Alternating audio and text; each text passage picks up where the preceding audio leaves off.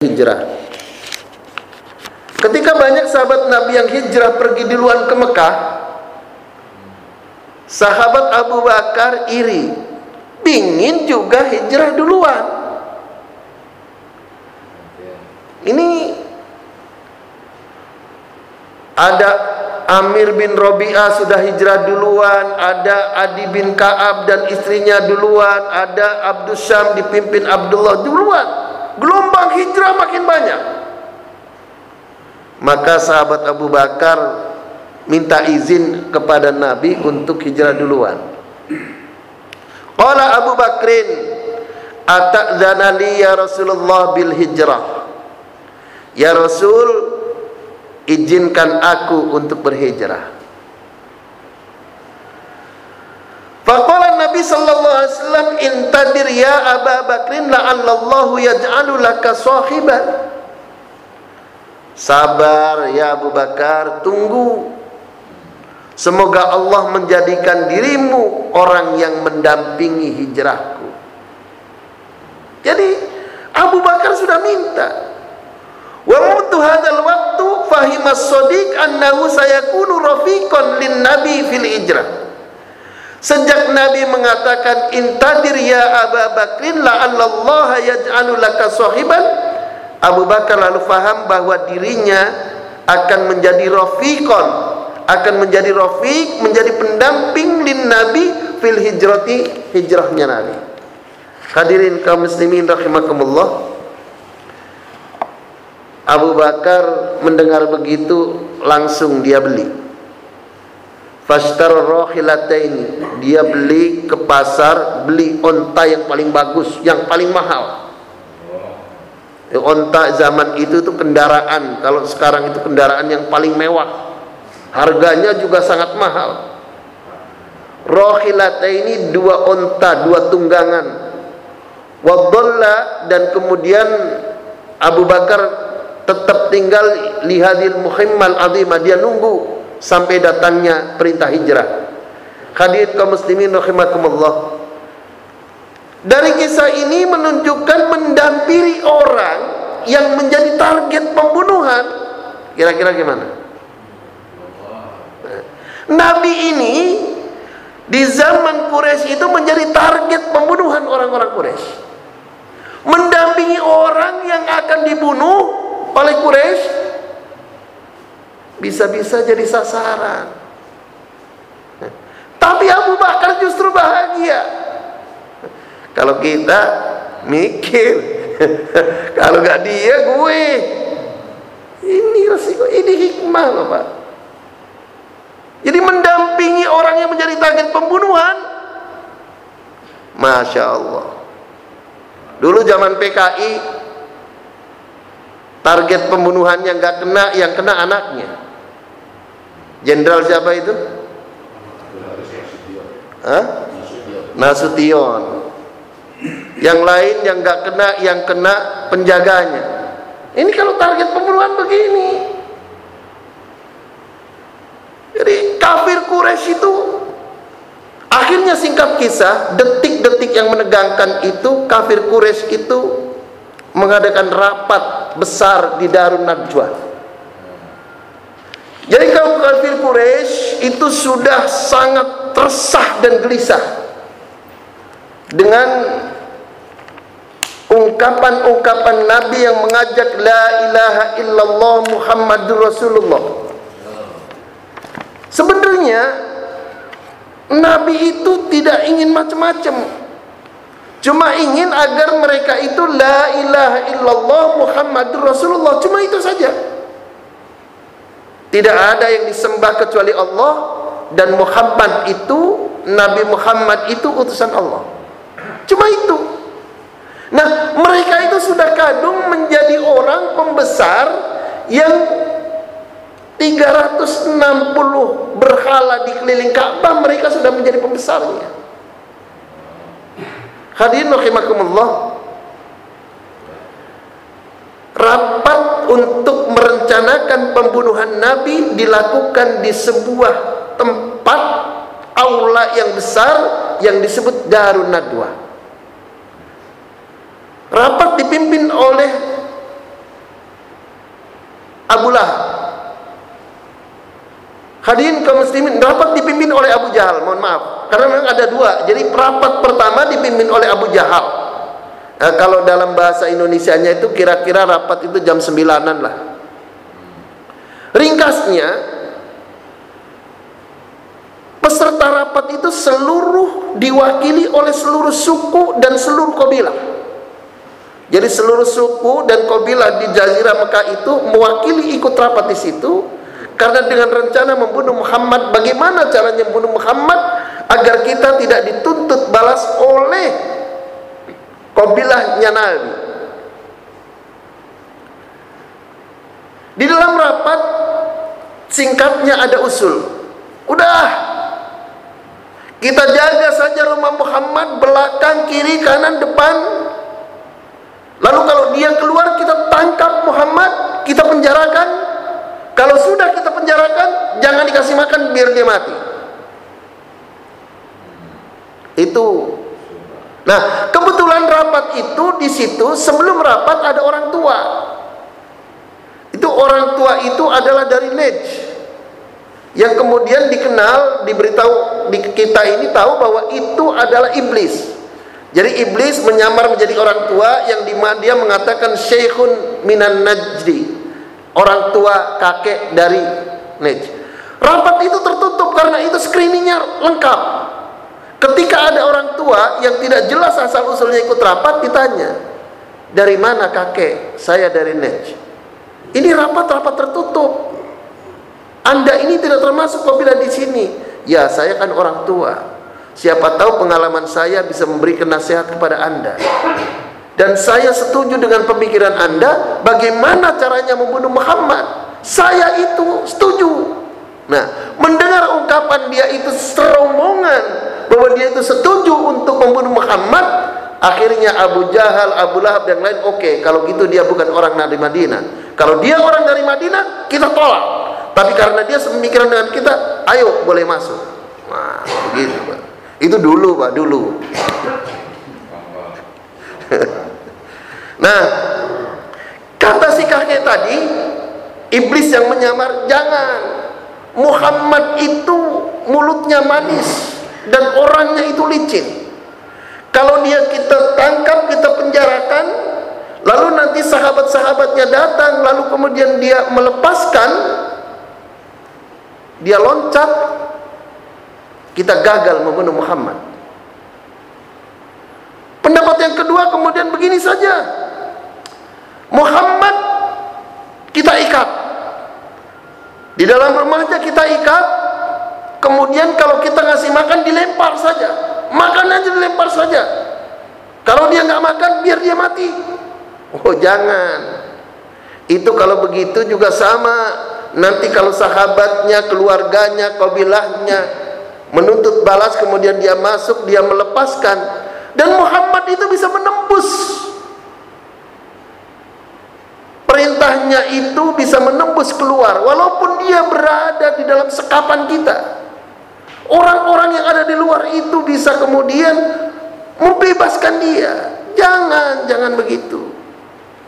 Akhirnya kemudian Abu Jahal pimpinan rapatnya diganti oleh Abu Lahab. Abu Lahab memimpin rapat. Sudah kita nggak usah banyak bicara. Sekarang bagaimana Muhammad itu kita bunuh potong lehernya, pan, apa namanya, pancung kepalanya, tidak usah banyak rapat lagi.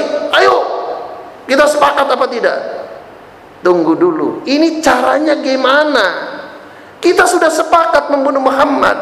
Tapi bagaimana caranya supaya ketika Muhammad itu terbunuh, kita bunuh, tapi kita tidak dituntut balas oleh sukunya Muhammad. Hadirin kaum muslimin rahimakumullah. Akhirnya Abu Jahal begini saja kita kumpulkan pemuda-pemuda pilihan dari semua kabilah. 50 orang kita kumpulkan lalu kemudian semua kabilah menuntut lalu kita latih kita persenjatai pilih orang-orang yang tegap yang betul-betul tegar lalu kemudian tiap orang dikasih satu pedang lalu kemudian bersama-sama membunuh Muhammad dengan satu tusukan sekali tusukan dengan 50 pedang itu maka dia akan mati dan dia tidak mungkin bisa akan bangkit Ketika Muhammad itu nanti menuntut balas dari sukunya kabilahnya, dia akan menuntut semua kabilah kita. Maka ini tidak akan mampu. Setuju? Setuju. Hadirin kaum muslimin rahimakumullah. Di sinilah apa namanya wa makaru wa makarullah. Tatkala sidang di dalam najwa itu dilakukan, Allah menurunkan wahyu kepada Nabi. Jadi di dalam Al-Qur'an surat Al-Anfal ayat yang ke-30 Allah menjelaskan wa id yamkuru bikal ladzina kafaru liyuthbituka aw yaqtuluka aw yukhrijuka wa yamkuruna wa yamkurun Allah wallahu khairul makirin. Jadi Al-Qur'an itu jelas, Pak. Dan ingatlah ketika orang-orang kafir itu memikirkan makar tipu daya terhadapmu wahai Muhammad untuk menangkap atau memenjarakan atau membunuhmu atau mengusirmu. Wa yamkuruna wa yamkurullah mereka itu membuat tipu daya wallahu khairul makirin maka Allah sebaik-baik membuat tipu daya. Hadirin kaum muslimin rahimakumullah. Setelah Jibril menyampaikan wahyu ayat itu, lalu Jibril berpesan, "Ya Rasulullah, la tabit hadhihi laila ala firashika alladhi kunta tabitu alaih." Wahai Rasul, jangan malam ini jangan engkau tidur di tempat tidurmu. Engkau tid kunta tabitu jangan engkau tidur di tempat yang biasa engkau tidur. Hadirin kaum muslimin rahimakumullah. Mendengar itu lalu kemudian wa innallaha ya'muruka bil hijrati ilal Madinah. Jadi setelah memberitahu jangan tidur di tempat tidurmu malam ini, wa innallaha ya'muruka bil hijrati ilal Madinah dan Allah sungguh telah memerintahkan kepadamu untuk segera hijrah ke Madinah. Mendengar bahwa perintah hijrah turun, kebetulan siang itu itu panasnya luar biasa karena panasnya luar biasa tidak ada orang berani satupun keluar karena panas karena itu sunyi dan senyap. Melihat begini Rasul langsung pergi ke rumahnya Abu Bakar. Begitu sampai di pintunya Abu Bakar Nabi tidak pernah bersuara keras tapi kali ini dia bersuara keras memanggil Abu Bakar. Setelah dia masuk, lalu kemudian Nabi berkata dengan terburu-buru, "Innallaha ta'ala qad adina li fil khuruji wal hijrah." Allah telah mengizinkanku untuk keluar hijrah ke Madinah. Lalu kemudian Abu Bakar berkata, "As-suhbatu ya Rasulullah." As-suhbatu ya Rasulullah berkawan dengan saya ya Rasul Naam biiznillah. Iya bersamamu dengan izin Allah. Alhamdulillah. Hadirin kaum muslimin rahimakumullah. Mau sampai jam berapa kita ini? Masih sedikit itu. Abu Bakar kemudian setelah begitu meminta Nabi, Nabi tolong pilih. Aku sudah beli dua onta yang super. Silakan pilih onta. Nabi pilih onta. Lalu kemudian Nabi pilih onta yang harganya 800 dirham yang paling mahal. Lalu kemudian unta itu yang dikenal di dalam tarikh itu dengan sebut al-quswa. Jadi kontanya namanya quswa. Nabi pulang. Nah, lalu kemudian Nabi memanggil Ali.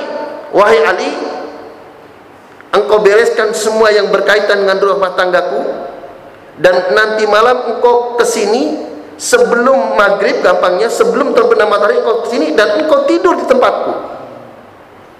Kata Nabi qala li Ali bin Abi Thalib nam ala firosi wa tasbah bi baradil hadzal khadral akhdar Ali tidur di tempat tidurku.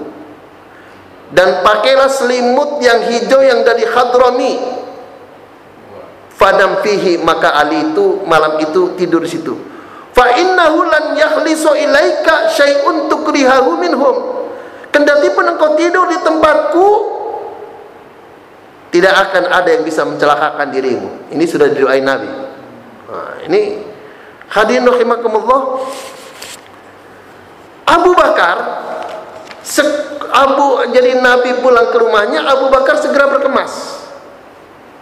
Abu Bakar bilang kepada anaknya wahai Abdullah mulai hari ini nanti kalau aku sudah keluar untuk berhijrah engkau pasang kuping, pasang telinga dan lihat orang-orang ini menjadi intelijen. Dan engkau bersama Asma binti Abu Bakar tiap hari engkau menuju ke Gua Tur. Lalu kemudian Abu Bakar bilang kepada pembantunya Amir bin Fuhairah supaya dia itu menggembalakan kambing di sekitar di dekat di depan gua Gunung Tur. Dan nanti susunya diberikan kepada Abu Bakar dan Nabi. Hadirin rahimakumullah. Lalu kemudian Nabi sudah memilih orang Abu Bakar juga Abdullah bin Uraikid. Dia itu non muslim untuk menunjuk jalan. Karena jalan yang akan dilewati oleh Nabi menuju ke Madinah bukan jalan umum. Bukan jalan raya kalau dalam bahasa sekarangnya. Tapi itu jalan tikus, jalan setapak. Tidak semua orang tahu. Tapi non muslim ini baik. Jadi jangan anggap semua non muslim itu jahat. Non muslim banyak juga yang baik. Buktinya Abdullah bin Uraikid dulu di zaman Nabi dia non muslim dipakai petunjuk jalan untuk bagaimana dari Mekah menuju ke Madinah dengan jalan tikus yang baik tidak banyak orang tahu. Hadirin rahimakumullah. Maka kemudian menjelang terbenam matahari Ali sudah berada di rumah Rasul. Kemudian begitu gelap datang, begitu malam tiba gelap, itu pemuda yang diutus tadi untuk mengepung rumah Nabi untuk membunuh Nabi malam itu sudah berdatangan prak prak prak oh, namanya juga kafir Quraisy badannya tinggi tegap wah makannya aja tahu sendiri ya orang Arab. Makannya aja luar biasa daging ayam. Kalau makan itu nih Ustadz Usdiono nih itu teman saya waktu haji tahun 95 beliau nih saya nih bersama dia selalu kalau makan itu. Ustadz. Adilahmakumullah singkatnya dikepung rumah Nabi. Nah begitu rumah Nabi dikepung keadaan sunyi makin senyap. Sunyi senyap di tengah malam Abu Bakar nyanyi Maksudnya nyanyi itu ngoceh. Jadi Abu Jahal maksudnya bukan Abu Jahal di rumah Nabi ngoceh. Muhammad itu menyangka kita mengikuti ajarannya. Kita kalau mengikuti ajarannya nanti akan menjadi penguasa Arab. Nanti kalau kita sudah mati akan hidup kembali dan kita akan masuk surga. Kalau kita masuk surga diberi makan enak, dapat bidadari, dapat wanita-wanita cantik. Nah, ini kurang ajar Abu Jahal. Jadi dulu ngocehnya begitu itu dulu, Pak. Dulu. Ini dulu. Jadi Abu Jahal ngoceh begitu. Jika kita tidak mengikuti ajaran Nabi, maka sesudah kita mati kita akan masuk neraka dan dibakar oleh api neraka. Gitu ngocehnya Abu Bakar. Di depan rumah Nabi, di tengah malam gelap gulita.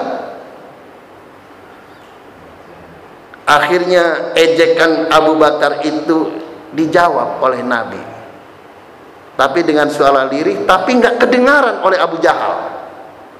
Jadi Abu Cehan, Abu Jahal, Naam ana aku ludzalika anta ahaduhum. Betul aku mengatakan begitu Orang yang mengikuti aku akan masuk surga, orang yang tidak mengikuti aku akan masuk neraka. Anta ahadum dan engkau salah satu dari mereka yang akan masuk neraka. Rupanya kalimat ini mengandung magnet yang luar biasa.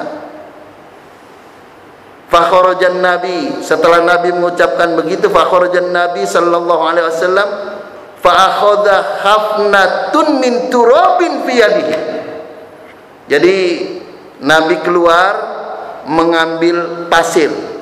Orang banyak yang menerjemahkan mengambil pasir. Turab bisa juga debu. Fiyadihi digenggam di dalam tangannya. Digenggam di tangannya lalu kemudian wa akhadallahu ala absarihim anhu fala yarawnahu fajala yasnuhu dzalika turab jadi Allah nyirap ini Allah wa akhadallahu ala absarihim Allah menjadikan pandangan mereka itu fala yarawnahu tidak lihat. Matanya melek tapi nggak lihat. Nah, apa itu namanya itu? Jadi matanya melek mentolong tapi nggak lihat. Faja'ala yang turu dzalika maka kemudian pasir tadi tanah tadi oleh Nabi ala ru'usihim wa huwa yatlu hadil ayat sam, di, ditaruh tuh satu-satu pemuda itu tadi ditaruhin tuh diuburin bur bur di kepalanya. Sambil membaca ayat Yasin wal Qur'anil Hakim innaka laminal mursalin ala siratal mustaqim. Terus sampai laqad haqqal qawlu ala aktharihim fahum la yu'minun. Inna ja'alna fi a'naqim aglalan fayal azqani fahum mukmahun wa ja'alna min baini aydihim sadda. Allah buat dinding wa min jadi Allah buat dinding di depan mereka wa min wa min di belakang mereka sadda fa syainahu sehingga mereka itu enggak bisa melihat alhamdulillah darinya Nabi keluar keluar. Nah, setelah Nabi keluar, Abu Bakar pun dari rumahnya menuju ke rumah Nabi. Dalam keadaan mereka masih tersirap, masih tidak melihat dan tertidur pulas, Abu Bakar mengetuk rumah Nabi. Begitu Abu Bakar mengetuk rumah Nabi, Sayyidina Ali keluar. Kata Sayyidina Ali, barusan Nabi pergi. Akhirnya Abu Bakar menyusul. Hadirin rahimakumullah. Itu setelah mereka keluar, dalam satu riwayat ada seorang pemuda yang naik ke rumah Nabi mengintai. Oh, Nabi masih tidur. Selimutnya masih ada kelihatan. Karena tadi kan yang tidur Ali. Di tempat tidurnya Nabi Ali tidur di situ dengan selimut hijau yang biasa Nabi pakai. Oh, masih ada. Namun ketika si pemuda kafir yang membunuh Nabi itu naik dan mengintai dari atas, ada suara wanita yang sedang menangis. Ada suara perempuan muda yang sedang menangis. Dalam kultur budaya Arab, orang yang mau membunuh orang, orang yang mau mencelakakan orang, itu tidaklah dianggap sebagai pemuda satria manakala dia itu melakukan perbuatan itu di hadapan wanita. Mendengar gitu dia cepat-cepat turun. nggak berani. Karena nanti dianggap sebagai pemuda pengecut. Nah, itu kulturnya Pak, budayanya waktu itu. Hadirin rahimakumullah, akhirnya Abu Bakar menyusul ketemu Nabi. Nah, di sinilah dahsyatnya Abu Bakar. Ketika Abu Bakar ketemu Nabi, wa gampangnya ini aja deh Abu Bakar itu kemudian berjalan itu sebentar berada di depan Nabi habis sebentar berada Nabi lalu di belakang Nabi lalu sebentar jalan lagi di pinggir Nabi kiri lalu sebentar lagi belajar di kanan Nabi ini jadi kayak apa ini kayak kitiran gitu blok sini blok sini blok sini uh, putar-putar begitu Akhirnya Nabi bertanya, "Mahadha ya Abu Bakrin? Apa yang kau lakukan ini?" Ma'arifu hadza min fi'lika. Aku ini nggak ngerti apa yang kamu lakukan ya Abu Bakar nih. Bentar-bentar kau di depan aku, bentar-bentar kau di belakang aku, bentar-bentar kau di samping kiriku, sebentar kau di kananku. Abu Bakar jawab, "Ya Rasulullah, adkurur rasada fa akunu amamaka." Ketika aku teringat pengintai sniper, nah, Ketika aku mengingat pengintai sniper kalau bahasa sekarang, maka aku berjalan di depanmu. Wadhkur tolaba fa akunu khalfaka. Ketika aku mendengar teringat kepada orang yang akan mengejarmu, yang mencarimu, menangkapmu dan aku berjalan di belakangmu. Wa marotan an yaminika wa marotan. Sesekali aku di kirimu, sekali aku di kananmu. Subhanallah. Abu Bakar begitu. Di Abu Bakar itu pasang badan. Lebih baik yang mati dirinya bukan Nabi. Sebab kalau yang Nabi yang mati, risalah Islam selesai.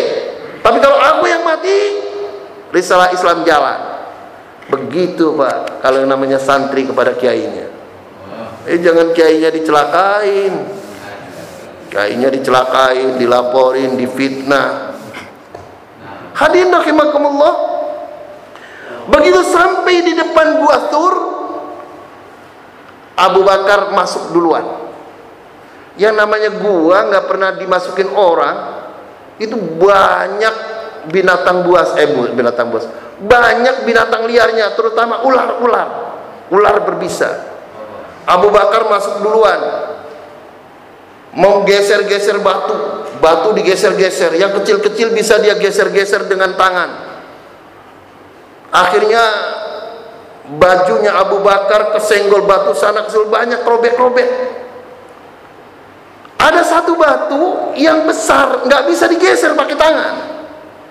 Akhirnya dipancal begitu di ini mohon maaf didorong begini. Supaya nanti ketika masuk itu bisa berdua sama Nabi. Jadi Abu Bakar berpikir kalau seandainya tergigit binatang ular, biar aku jangan Nabi selesai maka ketika Abu Bakar mendorong dengan kaki Abu Bakar digigit sama ular kecil tapi ularnya berbisa.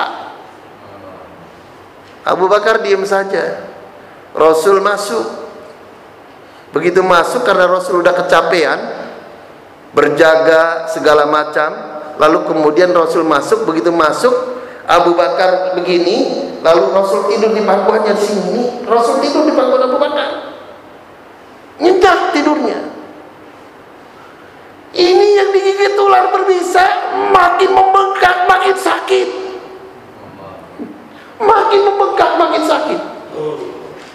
Rasul kemudian tidur pulas nyenyak. Karena saking sakitnya Abu Bakar tidak kuat menahan akhirnya air matanya netes. Netes ke wajah Nabi. Ketika air mata Abu Bakar netes kepada wajah Nabi Nabi terbangun. Ada apa ini Abu Bakar? Abu Bakar lalu kemudian karena tidak menahan sakitnya kenapa engkau menangis wahai Abu Bakar? Sakit ya Rasul digigit ular. Kenapa engkau tidak nah, selesai. Kenapa engkau tidak tidak bilang kepadaku hadirin rahimakumullah. Lalu kemudian Abu Bakar itu kebetulan waktu sudah mulai fajar. Ini pas di waktu sudah mulai fajar. Lalu kemudian apa namanya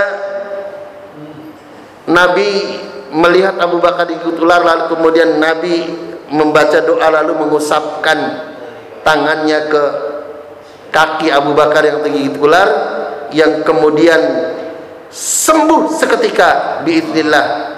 Lalu kemudian Nabi berdoa Allahumma ja'al Abu Bakrin fi darajati yaumil qiyamah. Ya Allah jadikan Abu Bakar ini menduduki derajatku nanti di hari kiamat saya kira kajian sirah Nabi sampai di sini dulu. Ini masih berada di dalam gua tur. Insya Allah nanti bagaimana keluar dari gua tur, bagaimana nanti kiriman-kiriman makanan, berita-berita ketika Nabi itu keluar, lalu kemudian pengejarannya, insya Allah kita lanjutkan di kajian-kajian berikutnya. Insya Allah kita tutup dengan doa mudah-mudahan Allah selalu mengabulkan apa yang kita minta. Innallaha malaikatahu yusalluna 'alan nabi. Ya ayyuhalladzina amanu sallu alaihi wa sallimu taslima. Allahumma shalli ala Muhammad wa